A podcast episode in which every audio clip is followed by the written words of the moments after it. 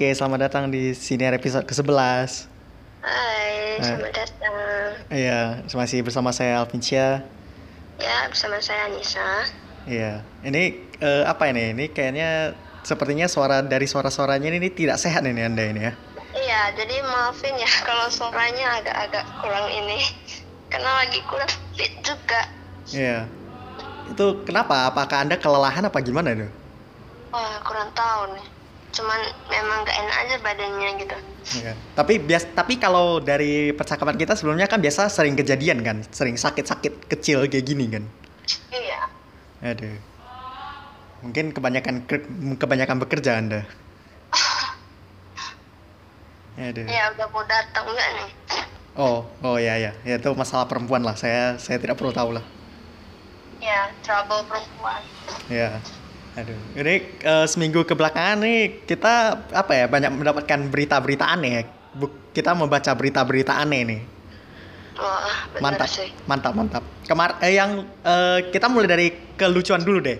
Kita mulai dari kelucuan dulu. Kemarin eh Kak, tahu tahu nggak kalau Kementerian Pertanian Kementerian Pertanian kita bikin eh, kalung antivirus corona?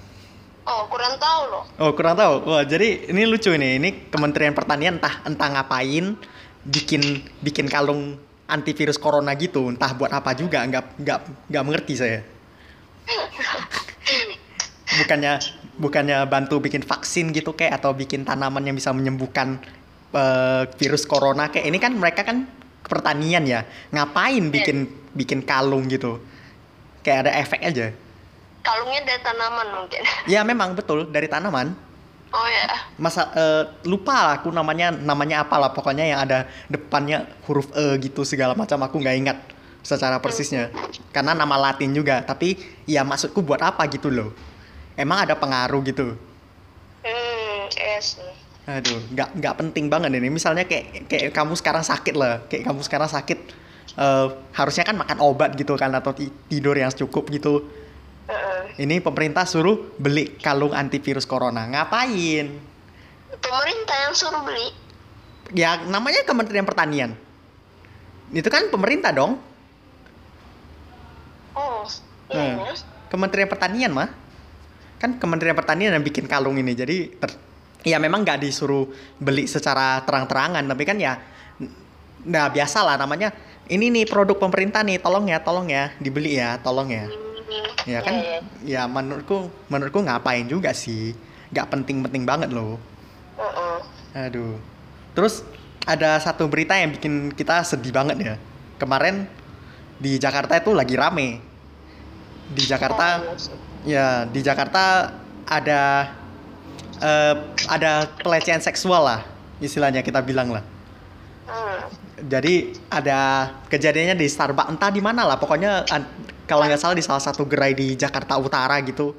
Mohon maaf ya kalau salah ya, kalau saya tidak terlalu ingat juga.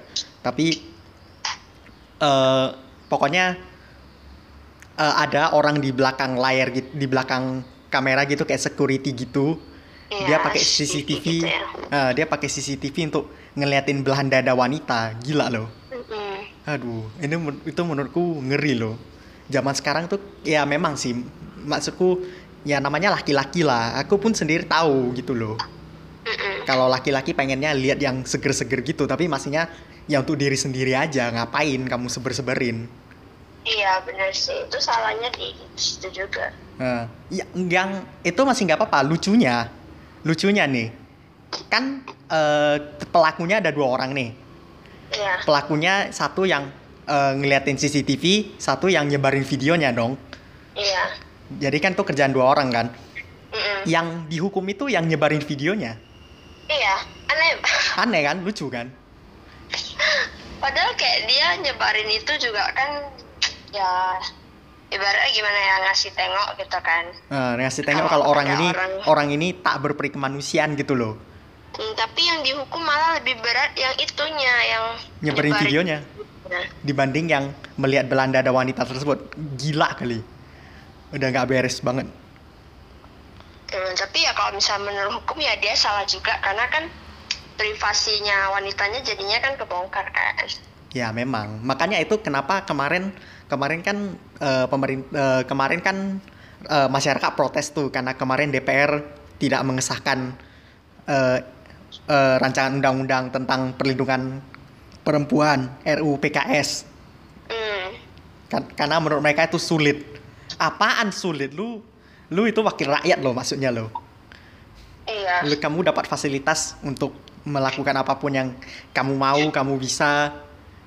Cuma tinggal lolosin sebuah peraturan undang-undang yang bisa melindungi perempuan aja dibilangnya sulit.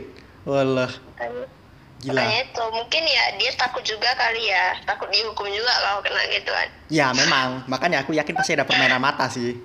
Ada permainan mata di belakang sih. Aduh. Bel kayaknya eh, kamu pernah nggak gitu eh, atau teman-temanmu gitu pernah mengalami pelecehan seksual yang kayak catcalling catcalling gitu pernah? Enggak sih. Belum pernah ya. Ya, soalnya kan kamu kan wanita kan. Kamu kan Mm-mm. lebih rentan kalau mau kena misalnya kalau kayak di jalan gitu, eh cantik mau ke mana gitu kan biasa oh, gitu. Ha. itu ada sih. Oh ada, ha itu kalau di itu maksudnya kalau di RUU PKS itu udah termasuk pelecehan seksual. Oh, Kalau iya di ah, kalau di peraturan lama kita kan eh, pelecehan seksual itu baru bisa dibilang kalau vagina kamu dimasukin penis gitu loh. Eh, segitu segitu eh, apanya segitu harfiah banget. Padahal kan pelecehan seksual kan bisa dari sebelum itu. Iya, sedangkan dengan omongan aja tuh udah bisa termasuk pelecehan kan. Hmm, makanya berarti kamu pernah ya gitu ya? Pernah lah, udah sering jumpa. Oh. Makanya di Indonesia kadang tuh eh, lebih lebih bagusan kalau di luar negeri atau di luar kota yang kayak Jakarta gitu kan udah biasa kan ya. Hmm. Tapi pun kalau misalnya di jalan-jalanan gitu masih ada aja orang yang kayak gitu-gitu. Nah, itu makanya geli. Mana gitu-gitu. geli makanya geli kalau aku kan kalau aku kan karena laki-laki ya jarang lah gitu walaupun pernah ya walaupun ya juga sering sih mungkin karena mau di apa gitu mau dipalak gitu apa gimana. Tapi kan kalau wanita kan konteksnya udah beda Iya, kalau Gitu. kalau kami sih biasa sama teman-teman kalau cuma perempuan ya pasti digituin. Tapi kalau ada ada laki-lakinya mereka nggak berani sih. ya memang makanya perlu makanya perlu eh, berteman tuh sama beda jenis sih perlu banget untuk perempuan ya Kalau kami sih sama teman-teman sering lah karena kan ada beberapa yang memang teman cowok kan. Ah. Jadi lebih aman gitu kalau keluar. Cuman kadang kan nggak sepenuhnya harus sama mereka gitu kan. Kadang kan kami bisa keluar sendiri atau gimana. Itu sering sih. nah itu jalan. itu itu yang itu yang aku takutkan loh kalau misalnya perempuan pergi Padahal sendiri kayak gitu kita sama sekali nggak pakai busana yang terbuka gitu. Mm-mm. Celana-celana panjang, bajunya baju kaos, pakai jaket lagi bahkan. Mm-mm. Cuman ada aja gitu orang. Hmm. Sampai kadang orang-orangnya yang kayak gitu tuh yang udah usianya usia tua gitu. Sampai kami sampai ini heran ya orang tua, orang tua nggak tahu tua. mungkin mungkin di rumah kurang kurang apa kali kurang ka- kasih sayang istri kali hmm, aduh dah. Karena pengen pengen ditampol tapi rasanya aduh ini orang tua ini tapi ya gimana kelakuannya nggak seperti yang diharapkan gitu loh Mm-mm. Nah itulah makanya aku aku ngeri ngeri sedap nih kalau mau eh, mendengar perempuan gitu ngomong aku dilecehkan dilecehkan gitu dipanggil panggil gitu lumayan sering nih untung adikku untung adikku jarang Hmm, adikku kan bagus. perempuan adikku kan perempuan tapi dia jarang soalnya Kalau kami sih seringnya karena pas keluar, cuman karena sekarang udah jarang keluar ya nggak ada kan gitu. ya karena ya karena anda juga eh, apa ya karena virus corona ini juga jarang keluar kita Iya, homebody. Kalau keluar beli barang gitu, beli kebutuhan sehari-hari ya itu sama teman gitu. Jadi ada teman cowok juga, nggak ada yang berani sih. Hmm. Men- apa apa, apa loh aku eh, kalau bandingin eh, kalau misalnya aku disuruh pilih eh, mau ganti kelamin nggak kayaknya sih aku nggak mau sih karena ngeri loh misal kayak kayak gitu aja lah misalnya eh, di jalanan gitu kita laki-laki bebas jalan apa kapan-kapan saja. Tak Mm. peduli waktu kan. Kalau perempuan kan aduh aku malam-malam jalan sendirian aku takut juga nih. Takutnya nanti Ya iyalah. Eh, makanya aku kalau lalu belum lagi melahirkan. Hmm. itu kan cuma perempuan aja yang bisa. Nah itu juga per- eh, waktu kalau misalnya tentang kehamilan misalnya eh, seks bebas gitulah seks bebas terus laki-laki kan ya santai aja. Mereka nggak perlu menanggung malu gitu loh. Hmm benar sih. Nah, perempuan yang harus menanggung malu kan. Wah ini lahir lahir anak di luar nikah.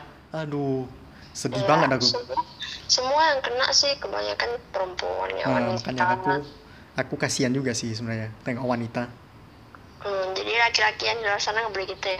Ya mudah-mudahan mudah-mudahan. Populasi mudah-mudahan populasi laki-laki brengsek di dunia ini lebih sedikit lah daripada populasi laki-laki baik lah. Saya saya mendoakan sekali itu. Aduh. Masalah masalahnya kan soalnya kan gini loh. Secara logis aja yang lahirin kamu itu kan perempuan. Masa kamu jahat sama perempuan sih?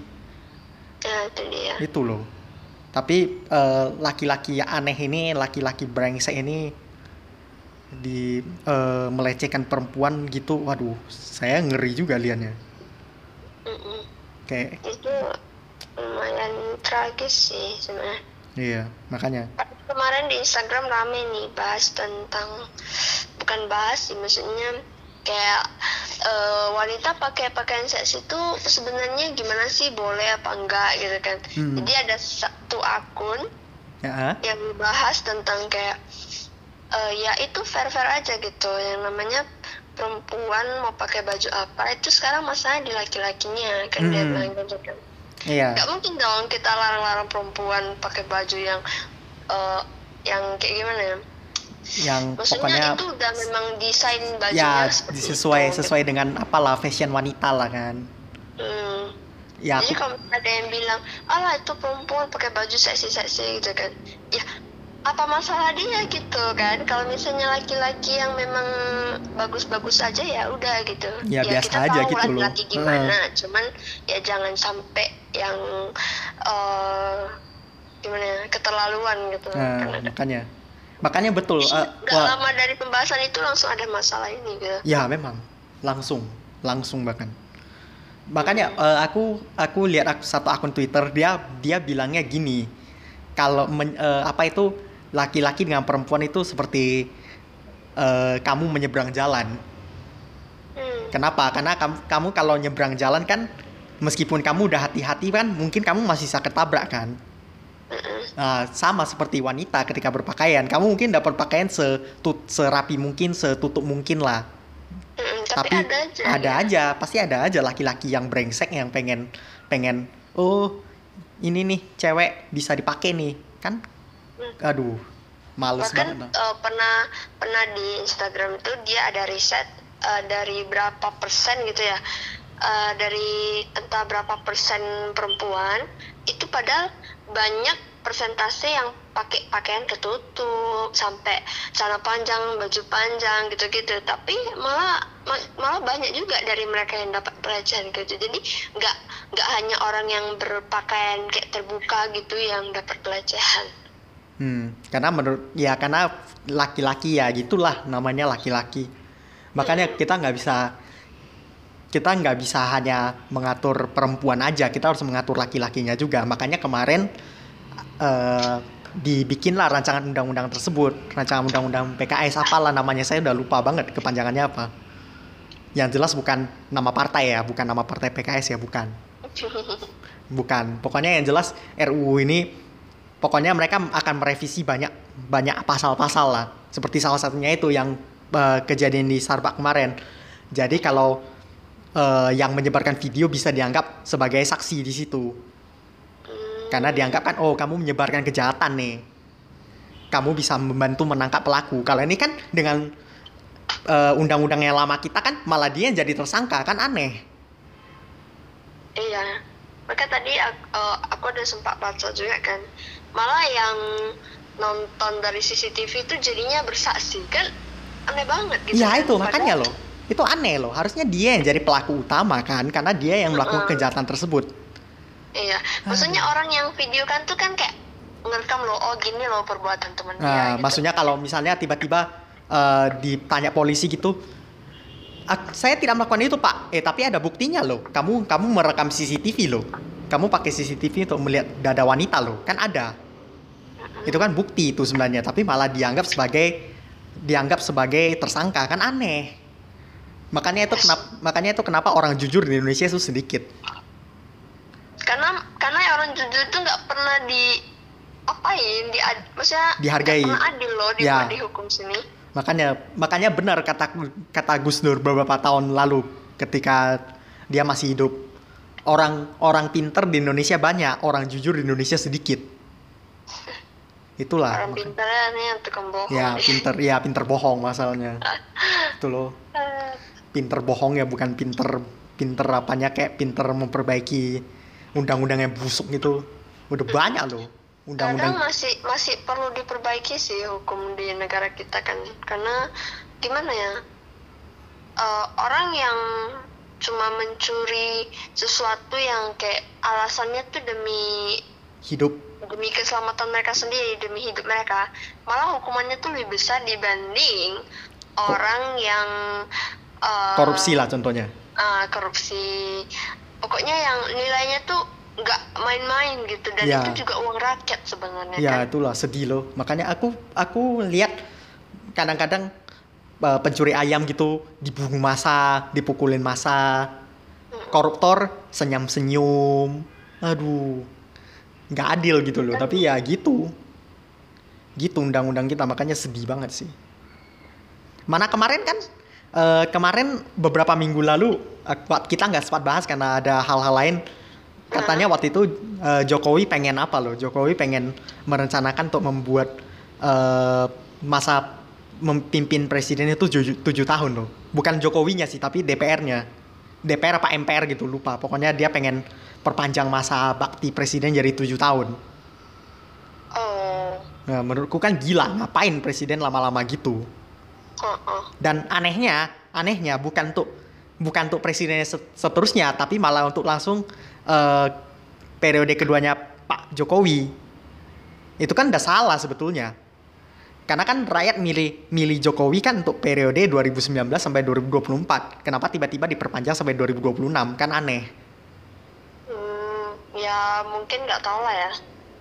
Ya nggak tahu. Ya tapi kan seperti apa gitu loh seperti ada bau busuk gitu loh. Mungkin bapak Jokowi nggak tahu mungkin bapak Jokowi nggak tahu. Kita nggak bisa bilang dia yang merencanakan tapi kan kayak ada apa gitu loh bau bangkai gitu loh. Kenapa Pak Jokowi biarin ini terjadi?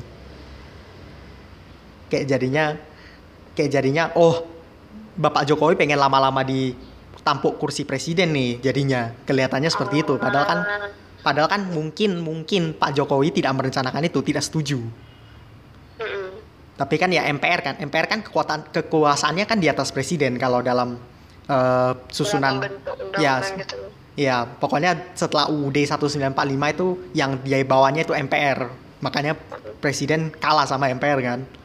Tapi kan rasanya jadi aneh gitu loh, kayak ada bau bangkai gitu. Pak Jokowi pengen lama-lama di jadi presiden nih, pengen lama-lama. nggak mau turun jabatan mana an- apa kan anaknya udah bertarung kan di eh, pemilihan daerah gitu kan. Anaknya sama menantunya bahkan. Menantunya itu kita menantunya ini apa loh di kota kita loh ini loh. Iya. iya eh, itu si Pak Bobi.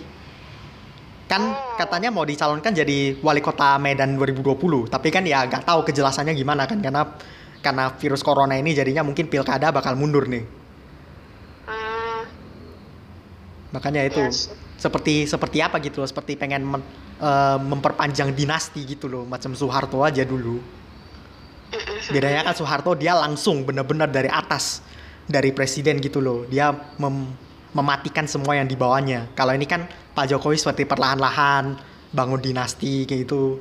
Iya. anak-anaknya disuruh maju jadi apa kemarin ya wa- wali kota ya kalau nggak salah. dari pemerintah bilang kan hmm, apa apalah apa eh, itu susah-susahnya sekarang gitu dinikmatinya nanti gitu kan Iya, heeh.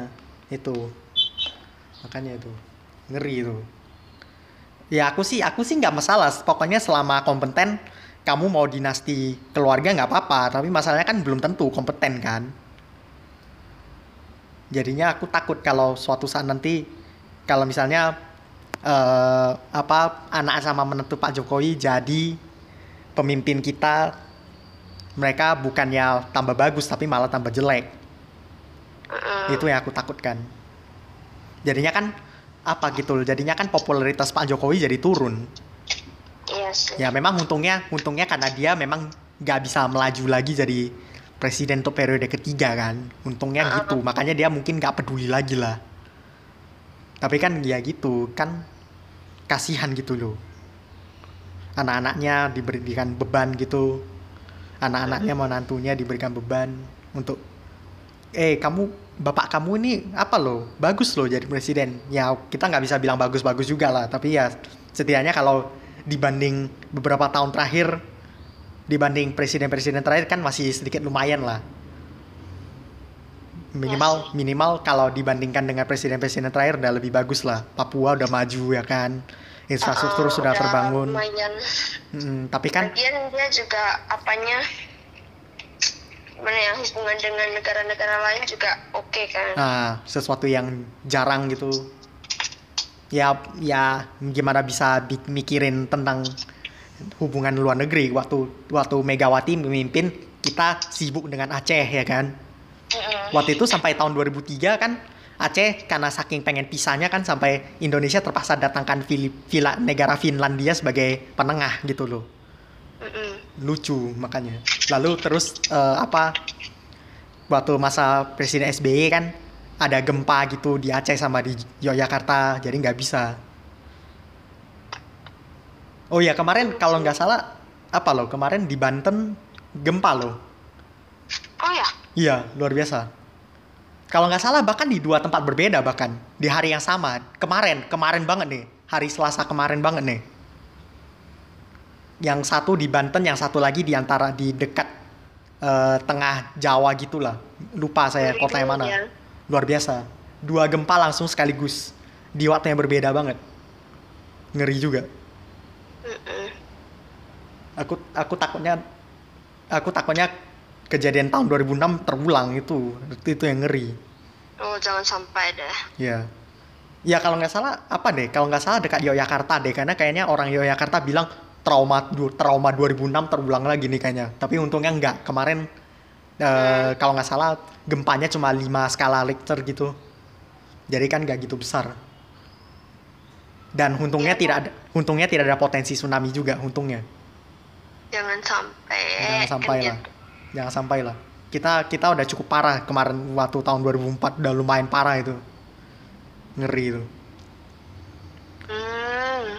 sampai sampai sekarang sampai sekarang kalau apa eh, meneng- me- setiap tanggal 26 Desember tuh setiap udah selesai merayakan Natal yang ada adalah peringatan tsunami Aceh. Kayaknya sedih juga sih. Aduh. Itu berapa banyak itu eh, nyawa melayang hari itu aku nggak bisa bayangin sih kalau misalnya aku jadi orang Aceh di waktu itu kayaknya ngeri juga Iya sih cuman memang sering kan di sana Iya, iya sering. Cuma maksudnya ketika 2004 tuh entah kenapa eh apa gitu loh.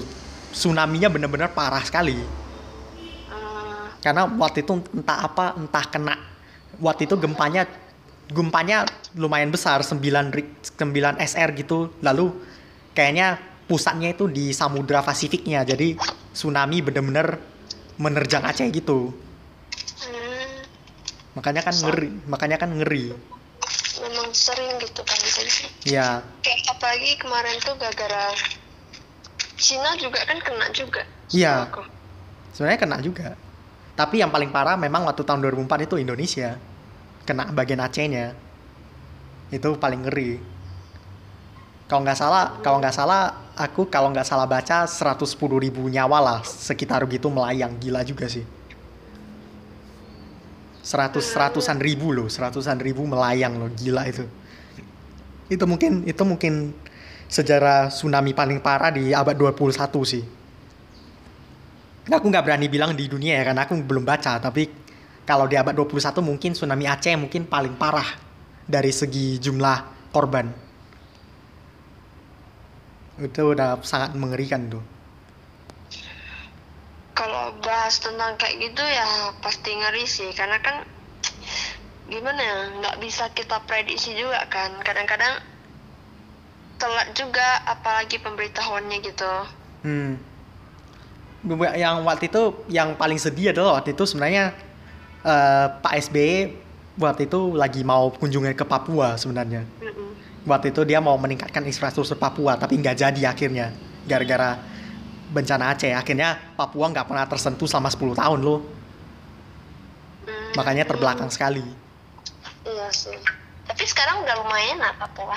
ya makanya. Beruntung lah beruntung lah Pak Jokowi yang naik loh. Beruntungnya iya, lo kayak yang waktu lima tahun lagi untuk kayak membangun infrastrukturnya. Iya. Eh, eh, kita kita kita apa loh? Kita masih menunggu MRT Medan loh. Mudah-mudahan ya. Katanya sih katanya mau selesai tahun 2024 tapi nggak tahu. Kan kan gara-gara virus corona ini kan susah orang bekerja gitu loh. Iya. Ini aja ini aja eh, dirimu kan masih apa kan? Masih WFH apa enggak? Apa? Dirimu WFH apa enggak nih? Eh shift pakai shift. Oh, shift ya. Kadang ada yang WFH, kadang ada yang enggak ya. Mm-mm. Ya, bag ya itu loh ketika ini harusnya kan dia bekerja nih tapi malah tiba-tiba sakit kemarin ya. Oh, Sedih juga Iya. Anda. gimana deh? Gak bisa dibilang kan tiba-tiba udah sakit aja gitu. Hmm. Ya itu. Cuma nggak enak badan aja sih. Nggak nggak parah banget. Ya makanya mudah-mudahan cepat sembuh lah, ya kan. Mm-mm. Aduh. Berarti eh, terus ada berita lagi nggak kira-kira dari Instagram gitu? Aku nggak. Soalnya aku nggak ngikutin Instagram. Nggak gitu buka sih ya paling kalau pas buka itulah ketemu yang Starbucks punya terus eh, tentang mereka bilang ini apa namanya Apanya? Cara Eh, berpakaian tuh perempuan. yang bukan bukan yang kemarin tuh kayak kasih gambaran nggak hanya wanita yang pakai baju seksi aja gitu yang dapat pelecehan bahkan banyak yang tertutup juga dapat gitu Ya, itulah makanya sedih sih. Sedih sih. Pokoknya menurutku pokoknya eh, laki-laki Indonesia jangan gitulah, jangan katro lah. Maksudnya kan mungkin ya memang loh. Aku aku aku sendiri pun mengakui loh aku suka lihat dada wanita gitu loh. Tapi kan ya jangan terang-terangan gitu loh. Simpan aja untuk dirimu sendiri gitu loh. Ngapain kamu sebar-sebarin? Eh, ya ini jujur aja gak mungkin gak mungkin laki-laki nggak nonton bokep nggak mungkin. Eh, tapi kan ya ngapain kamu sebarin gitu loh? Kan nggak penting banget. Untuk dirimu sendiri aja. Kan ya? Eh, bahkan menurutku kalau laki-laki nggak pernah nonton bokep tuh dia bohong itu nggak mungkin tuh mm. menurutku begitu. Nggak mungkin lah. Laki-laki sepolos itu nggak mungkin. Kalau wanita oke masih mungkin. Kalau wanita masih mungkin. Kalau laki-laki menurutku nggak mungkin. Nggak mungkin sepolos itu. Apalagi laki-laki Indonesia semua liar-liar. Lihat iyalah liar-liar dong. Liar-liar semua itu. Aduh. Ya udahlah ini kita akhiri saja di sini supaya Anissa bisa cepat-cepat sembuh ya. Doakan ya doakan ya para pendengar ya. Semoga Anissa cepat sembuh ya. Iya, semoga bisa cepat baikkan deh. ya kita tung kita tunggu lagi apakah ada berita-berita aneh untuk seminggu ke depan nanti. Nanti kita bahas untuk episode berikutnya. Kayak seperti biasa kalau ada berita-berita aneh mana tahu tiba-tiba eh, pemerintah bilang kita harus beli vir, eh, kalung antivirus corona bisa kabarin kita ya kan sementara belum sementara belum tapi takutnya nanti tiba-tiba pemerintah jadiin apa gitu loh jadiin eh, apa namanya jadiin wajib gitu loh Jadiin wajib ya. Nah, beli kalau antivirus corona ngapain coba? Tap- Tapi pengen eh, nggak jelas gitu lah. Aduh. Oh ya, sama satu lagi aku aku baru teringat kemarin katanya ini udah pembahasan lama sih, udah bertahun-tahun. Kita katanya mau redominasi uang. Oh, iya. Ya, kita mau ngurangin eh, 3-0 di belakang uang kita sekarang. Oh, masa? Iya, jadi seratus ribu eh, kalau jadi ya, kalau jadi gol ya, eh, UU redominasi ya, seratus ribu bakal jadi eh, 100 saja. Hmm, Jadi kita lebih mudah ngomongnya gitu kan daripada ngomong seratus ribu rupiah. Kita kan ngomongnya 100 saja gitu. Ya aku sih nggak tahu ya gimana efeknya nanti ya. Menurutmu gimana kalau misalnya kita redominasi uang? Ya, pastinya awalnya aneh lah ya. Karena kalau misalnya 500 rupiah gimana bilangnya? Lima eh, kalau nggak salah jadi 50 sen. Oh, 50 sen. Kalau nggak salah kan uang uang kita yang paling kecil kan sekarang yang diterima kan 200 rupiah kan. 100 rupiah ke bawah itu udah udah nggak diterima lagi lah di tongkrongan lah. Kalau menurut pemerintah gitu ya, tapi nggak tahu entah kenapa masih ada yang sering pakai uang 100 di Indomaret, Alfamaret gitu. Iya, masih sih, masih ada di mall juga masih. Nah, tapi kalau menurut pemerintah uang paling kecil sekarang 200. Hmm. Jadi Ya bagus sih sebab dulu kalau misalnya bisa dibilang juga kan lumayan gitu kan kayak eh, kita ngomongnya juga nggak gitu susah. Terus kalau misalnya bisa eh, seperti negara-negara luar yang maksudnya nilai nilai uangnya tuh lebih lebih gimana ya? Misalnya nggak serendah sekarang gitu. Hmm, ya berarti berarti kalau misalnya domina redominasi uang jadi satu dolar berarti 13 rupiah doang nih sementara. Hmm. Ya memang sih, cuma takutnya aku takutnya karena gitu eh, masyarakat jadi asal-asalan gitu. Oh uang kita lebih murah nih, kita bisa belanja lebih banyak nih, kan takutnya gitu. Inflasi juga sama aja dong. Kan sama aja, tiba-tiba naik lagi, inflasi lagi, sama dong. Ya, Itulah, tapi kan makanya- harusnya mereka tahu lah ya. Nilainya kan masih tetap sama kan ya walaupun ya gitu. ya bisa aja. Tapi kan ya kalau orang yang pedalaman gitu suku pedalaman kurang edukasi gitu oh kita punya uang 100 nih. Lebih banyak dong yang kita bisa beli. Ayo ayo kita belanja dah. Kan ribet. Hmm. Makanya makanya harus hati-hati sih kalau mau golkan RUU redominasi ini. Harus hati-hati sih. Harus benar-benar Yes. dipertimbangkan sih. Soalnya mungkin nanti aneh juga kan. Ka- karena pun eh, bukan sekedar kurangi angka aja. Kita nanti kalau misalnya jadi redominasi kita cetak uang baru. Nggak jadi uang yang ini nggak berlaku lagi. Iya.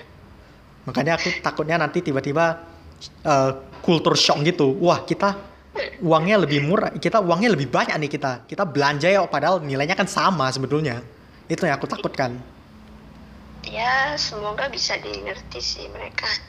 ya memang mudah-mudahan lah mudah-mudahan Mm-mm. aku berharap banget sih Indonesia ini Indonesia punya eh, potensi lah untuk menjadi negara maju lah Sekarang Iya, kan- sekarang kan apa kan Iya. Heeh. Cuma masyarakatnya. ya masyarakatnya itu eh-eh. disuruh disuruh apa aja? Disuruh stay at home aja waktu kemarin bulan April Mei kemarin ngeyel. Mm. pakai apa? Salah-salahin pemerintah salah-salahin tenaga kesehatan. Begitu kena virus corona tolong dong tolong dong obati kami. Eh lah bacot bet. Eh, ya itulah. Namanya namanya juga masyarakat Indonesia ya aneh lah. Indonesia itu aneh-aneh Ajaib. makanya dulu aku teringat sebuah meme yang menurutku sampai sekarang masih relevan sih Eh, Kenapa tuh? Apa tuh? Eh, selamat datang di Indonesia di mana BBM 9.000 di demo, rokok 16.000 dibeli. Mantap itu. Dulu dulu Rokok waktu mau kan berapa juga dibeli ya kan? Iya, makanya dulu dulu kan ada isu naik. Waktu zaman tahun 2010 gitu ketika BBM masih rendah kan. Lalu tiba-tiba Pak SBY bilang, "Yuk kita naikkan harga BBM kita udah udah kalah bersaing nih dengan negara Asia Tenggara." Ya diprotes lah. Ya sampai sekarang juga masih sih. Heran saya. Padahal padahal BBM itu kan ya hal yang penting lah setidaknya kan. Ya padahal tuh udah disubsidi juga loh. Nah, itu Kan? loh, disubsidi lagi. Disubsidi tuh harganya 6.000 lagi kalau nggak salah. Makanya. Tapi BBM rugi rugi banyak loh sebenarnya. Heeh. Makanya sampai pemerintah, sampai Pak Jokowi kan males kan, sampai Pak Jokowi males subsidi BBM kan jadinya kan. Iya, cuman ya sekarang kan udah Pak Ahok kan yang ini. Ya be- Pertamina kan. Tapi Iya. nggak- aku nggak gitu ngikutin kegiatannya sih, karena ya buat apa juga,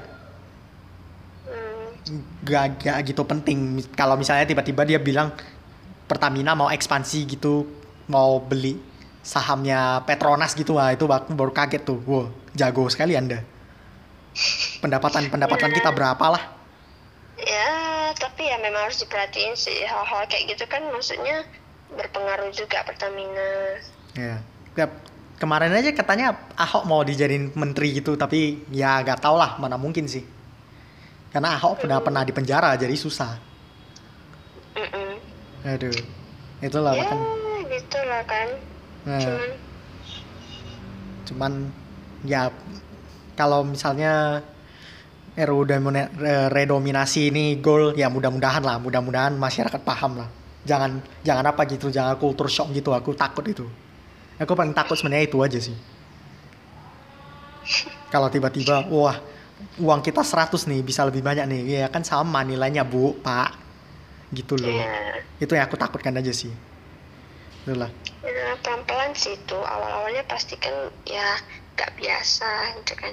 Hmm, kaget lah tiba-tiba bilang eh, satu juta jadinya tinggal seribu gitu. Yang seribu tinggal satu rupiah. lucu sih lucu. Berarti ke- kita kembali kita kembali kita kembali ke zaman awal kemerdekaan sih berarti itu. ya Aduh, gitu. itulah. Ya begitulah untuk episode minggu ini ya. Kalau mana tahu ada hal-hal aneh yang pendengar tahu bisa infokan ke kita seperti biasa Twitter saya selalu open ya kan selalu terbuka untuk umum ya kan ya nggak terbuka sih harus follow juga baru bisa DM kamu gitu nggak kalau Instagram? Harus follow dulu baru bisa DM apa enggak atau enggak enggak. Aku enggak aku enggak prefer. Jadi bisa DM langsung. Oh bisa. Di Instagram nggak ada gitu fitur kamu open eh, open account tapi kalau DM harus follow dulu gitu. Nggak bisa ya? Enggak sih. Nggak bisa ya? Oh kalau Twitter kan ada pilihannya kalau pilihannya kamu bisa buka akun tapi DM-mu kamu kunci kecuali kamu follow satu sama lain gitu Hmm. itu biasa ada permintaan gitu sih kalau misalnya orang yang belum follow ah. dia ada di permintaan per- apa permintaan DM gitu. Ah ya itu aku tahu aku tahu. Itu Ah, ya tapi kan biasanya kan akun kamu itu udah dikunci kan? Enggak ya? Enggak itu aku enggak kunci. Oh berarti maksudnya kalau akun buka kamu request DM gitu Oh, apa gimana? kadang ada yang bisa langsung DM cuman kemarin tuh ada beberapa akun aku nggak tahu kenapa mereka bisa masuk ke permintaan direct message aku gitu. Ah iya makanya aneh kan? Seharusnya Hmm. kalau yang padahal aku nggak kunci akun sama sekali. Ah makanya aneh juga sih. Ya itulah pokoknya lah. Mm-mm. itulah pokoknya. Kalau misalnya misalnya mau eh, apa gitu. Ya lumayan kan menambah menambah follower juga menambah followerku juga kan. Iya sih. Lumayan kan misalnya mau follow twitterku ya datang aja ke at cv40 underscore chelsea. Siapa tahu gitu kita jadi temen gitu ya kan? Atau mungkin jadi pacar mungkin? Eh.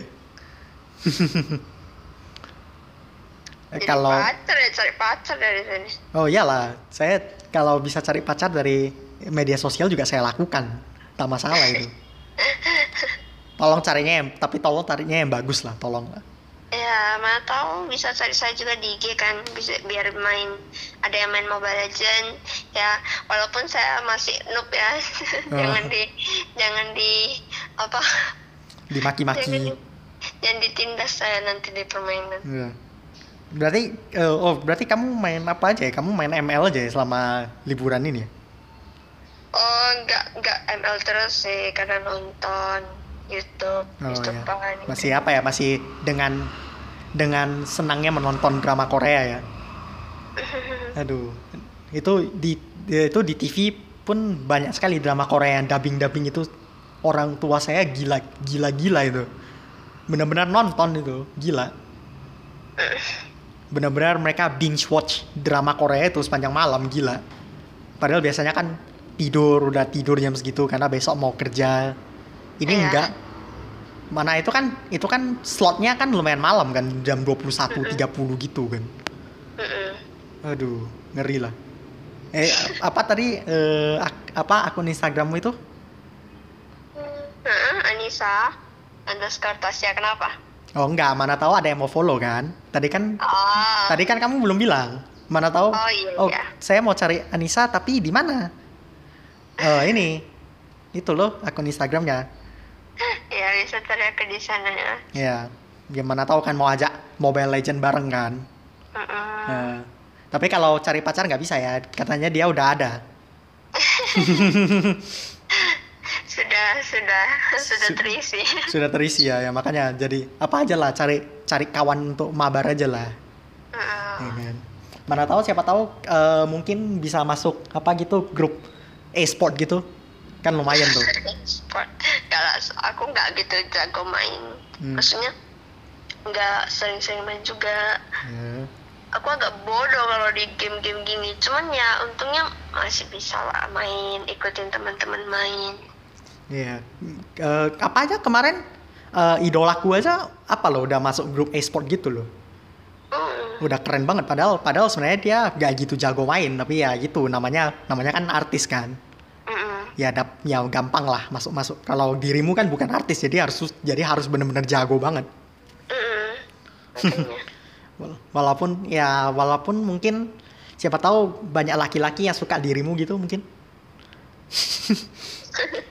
pernah nggak pernah nggak apa gitu dapat DM Instagram gitu eh, laki-laki gitu yang Mm-mm. sepik-sepik gitu pernah Sering sih. sering juga ya wah Iya. belum eh, berarti belum dengar pod, eh, belum dengar siniar kita nih belum dengar podcast kita nih kalau udah dengar kan pasti udah tahu Anissa punya punya pacar gimana sih Ya kadang yang mm, nge-DM gitu-gitu kebanyakan orang luar sih. Kalau orang dalam Indonesia nggak pernah. ah orang luar negeri gila Iya, maksudnya akunnya aku luar negeri, mereka ngomongnya juga ngomong bahasa Inggris gitu. Astaga, Anissa go internasional gila. Enggak lah, itu kayak akun-akun aneh yang gak ada kerjaan. Ya eh, kalau masih lumayan kalau eh, benar-benar orang luar negeri, tapi takutnya orang Indonesia yang pakai alter luar negeri kan itu kan. Ya, takutnya itu sih. Hmm, betul lah. Ya tapi kalau bener orang luar negeri sih kaget sih saya, luar biasa loh. Sampai Anissa disukai orang luar negeri itu gila loh. Amazing sekali itu. Mantap lah, mantap. Aduh, udah lah, itulah ya. Yang bisa minggu ini. eh semoga semua tetap sehat-sehat. Terutama tuh Anissa ya, terutama tuh Anissa ya, para, para pendengar ya. Iya. Lagi lagi sakit nih. Iya, semua bisa cepat sembuh juga kan. Ya, pengen dia pengen cepat-cepat kembali ke kantor lagi nih. Eh, ya udahlah. Eh, episode hari eh, episode minggu ini sudah selesai. Kal semoga semua tetap sehat dan sampai berjumpa minggu depan. Iya, see you.